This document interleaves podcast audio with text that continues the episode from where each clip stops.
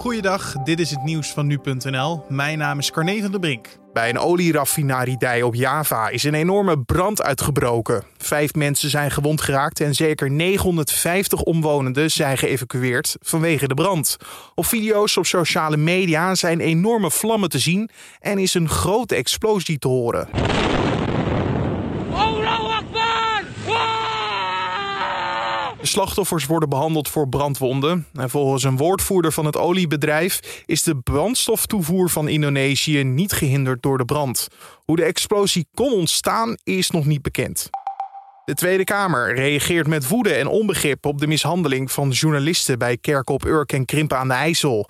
Een 43-jarige kerkganger uit Krimpen is inmiddels weer vrijgelaten, maar de politie van Urk zoekt nog naar een bestuurder en twee andere verdachten die de verslaggever van Pauwnet aanvielen.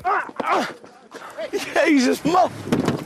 Jezus, doe normaal, vent. De kerken maakten deze week bekend de coronaregels te gaan negeren en weer honderden mensen zonder enige bescherming toe te laten. Kerken hebben wettelijk deze mogelijkheid omdat ze de overheid binnen hun muren niet kan ingrijpen.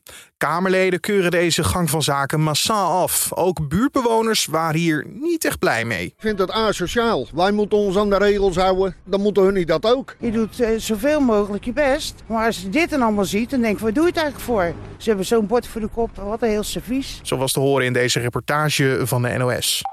Het aantal buitenlandse toeristen dat naar ons land kwam verschrompeld. Maar 7 miljoen buitenlandse toeristen kwam vorig jaar naar Nederland. Een afname van 65% vergeleken met het jaar ervoor, toen het er nog ruim 20 miljoen waren. Dat meldt het Nederlands Bureau voor Toerisme en Congressen. De reden hiervoor is natuurlijk de coronapandemie. En de verwachtingen zijn dat 2021 ook een pittig jaar zal worden voor toerisme. Bondskanselier Angela Merkel roept deelstaten op tot strenge coronabeperkingen. Dat is volgens haar nodig om het snelle stijgende aantal nieuwe corona-infecties terug te dringen. Woensdag schrapte Merkel nog haar strenge paaslockdown na een storm van kritiek. Duitsland heeft te maken met een forse heropleving van het coronavirus, voornamelijk aangedreven door de Britse variant. Een aantal deelstaten weigert plannen voor een strenge lockdown ook te laten gelden voor gebieden waar het aantal besmettingen relatief laag is. En tot zover de nieuwsupdate van nu.nl.